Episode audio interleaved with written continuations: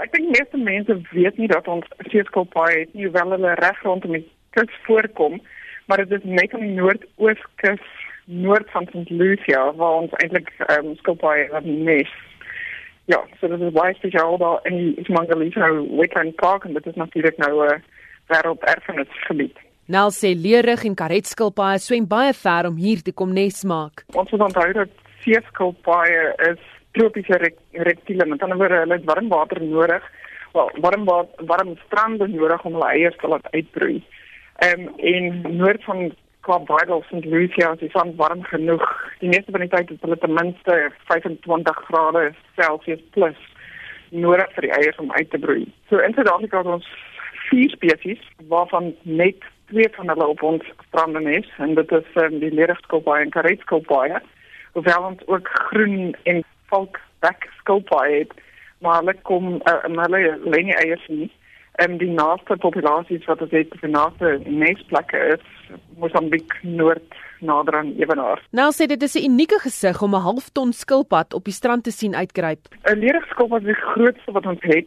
Gemiddeld in Suid-Afrika kan die skulp ehm um, dop so in die omgewing van 1.5 meter 1.6 is eintlik ons gemiddelde skulp skulpgrootte. Maar hulle kan die grootste wat ek in my database het is 2.3 meter lank. So dit is 'n enorme groot ding. Die groenskilpad hulle is so 1.2 meter en die karetskilpaaie is net so onder 'n meter skilpdop grootte. Pieter Jacobs van Ufudu beamoen haar woorde, maar hy skets 'n donker prentjie oor die toekoms van die seeskilpaaie. Sodra 'n spesies gelys word as krities bedreig, is daar redelike sterk indikasie en dit waarskynlik maar dis dis data die CITES wat statisties sal wys dat daai spesies vir 'n sekere aantal jaar oor 'n sekere aantal jare sal uitsterf. So ehm um, hoe hoe akkuraat dit is en of dit 'n wetenskap gefundeer is, weet ek nie. Maar ehm um, volgens die literatuur is dit omtrent hoe lank dit sal vat voor die spesies sal uitsterf in die natuur. Nel sê veral plastiek en klimaatsverandering bedreig die oersee-dier. En seeskilpaaie spandeer 'n baie groot gedeelte van hulle tyd op die oppervlak, um, want hulle moet natuurlik asemhaal. En afgesien daarvan hulle hulle is hulle geneig om of deursigtige of wit of blou goeders te byt, want dit is wat hulle hoe hulle kos lyk veral vir die eerste dekade. En een van die aanpassings wat seeskilpaaie het om op jellyfish, jellyfish te voed is dat hulle slukdarm lyk basies soos 'n speldekussing. Hulle kan nie opgooi nie, so as hulle 'n jellyfish en byt, kan die kan dit net in een rigting gaan, hulle kan maklik die die water um, uitspoeg. Maar die probleem is as hulle dan in 'n plastieksak in vasbyt of in enige stuk plastiek, dan kan hulle dit nie uitspoeg nie. Daar's twee goed wat wat hulle baie kwesbaar maak. Die een is visserybedryf, veral ons karetskilpaaie en leerskilpaaie hulle is geneig om in of in nette gevang te word of in long lines. En die ander probleem wat ons besig is om in Suid-Afrika ons nog nie heeltemal seker wat die probleem is of dit 'n probleem is nie, is natuurlik klimaatsverandering. Seetkopaie se het geen geslagkromosome nie, so die geslag wat word bepaal deur die sandtemperatuur waarin dit uitbroei.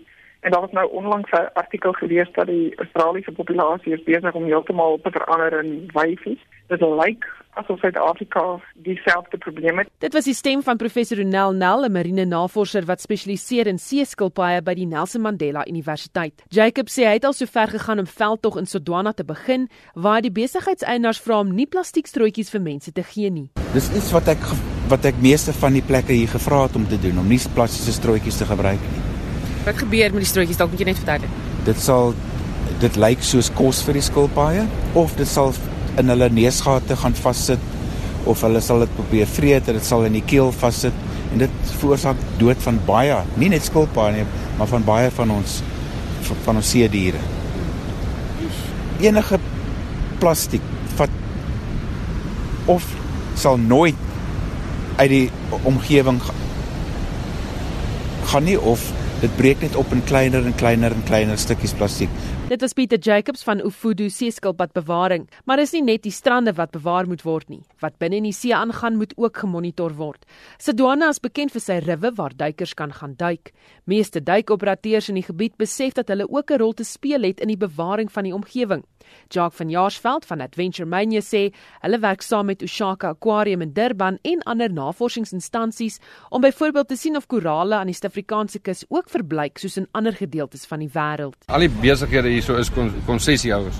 So saam met Isimangeli so ons verantwoordelikheid is ook om uit te gaan en seker te maak dat alles reg is. Ehm um, goed soos uh, wat hulle noem coral bleaching. Ons kyk na die koraallewe, kyk dat alles oukei okay is. Uh en dan sal ons met terselfdertyd uh met Ori wat 'n deel van Oshaka is.